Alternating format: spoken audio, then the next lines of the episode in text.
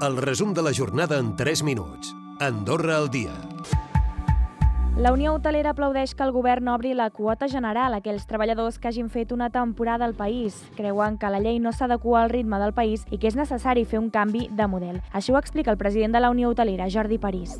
La llei actual no està en sintonia als temps de, als temps d'avui. Fomentem també que la gent doncs, s'estabilitzi, que parli el català, que, que tingui un habitatge durant una temporada llarga i per moltes altres raons que faci que aquestes persones que vinguin aquí a treballar tinguin un projecte professional i tinguin un projecte deixa'm dir-te, de vida. I els habitants de l'Alt Urgell podran fer ús segurament de les UCI de l'Hospital Nostra Senyora de Meritxell. Les visites quedaran subjectes al temps d'espera que hi hagi a Catalunya i a la disponibilitat dels professionals d'aquí a Andorra. Al llarg d'aquest any es concretaran els àmbits de col·laboració i fins i tot actualitzar el conveni l'any vinent. També en termes sanitaris, dos psicòlegs ja han estat acreditats per adherir-se a la cartera de serveis. Un cop hagin signat el conveni amb la CAS, ja podran començar a fer visites i quatre més es troben a l'espera de confirmació del govern. El Centre de Formació Professional de Xuvall no dona l'abast per formar ni tècnics en cures d'auxiliars d'infermeria ni tècnics sociocomunitaris. La majoria d'estudiants de les dues branques surten en feina i això ha provocat un augment de la demanda. Escoltem la directora del Centre de Formació Professional, Anna Magallón.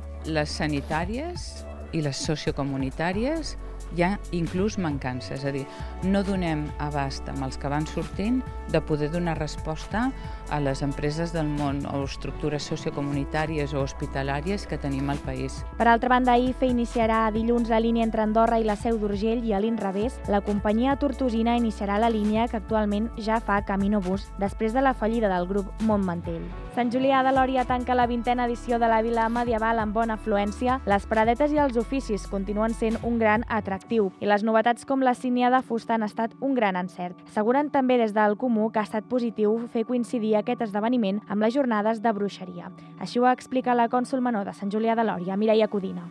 Les activitats noves han consolidat i han encaixat perfectament, la gent està molt contenta, eren activitats sobretot familiars, de caire infantil i cada dia i a totes hores veus aquestes activitats plenes de gom a gom. Recupera el resum de la jornada cada dia a AndorraDifusió.d i a les plataformes de podcast.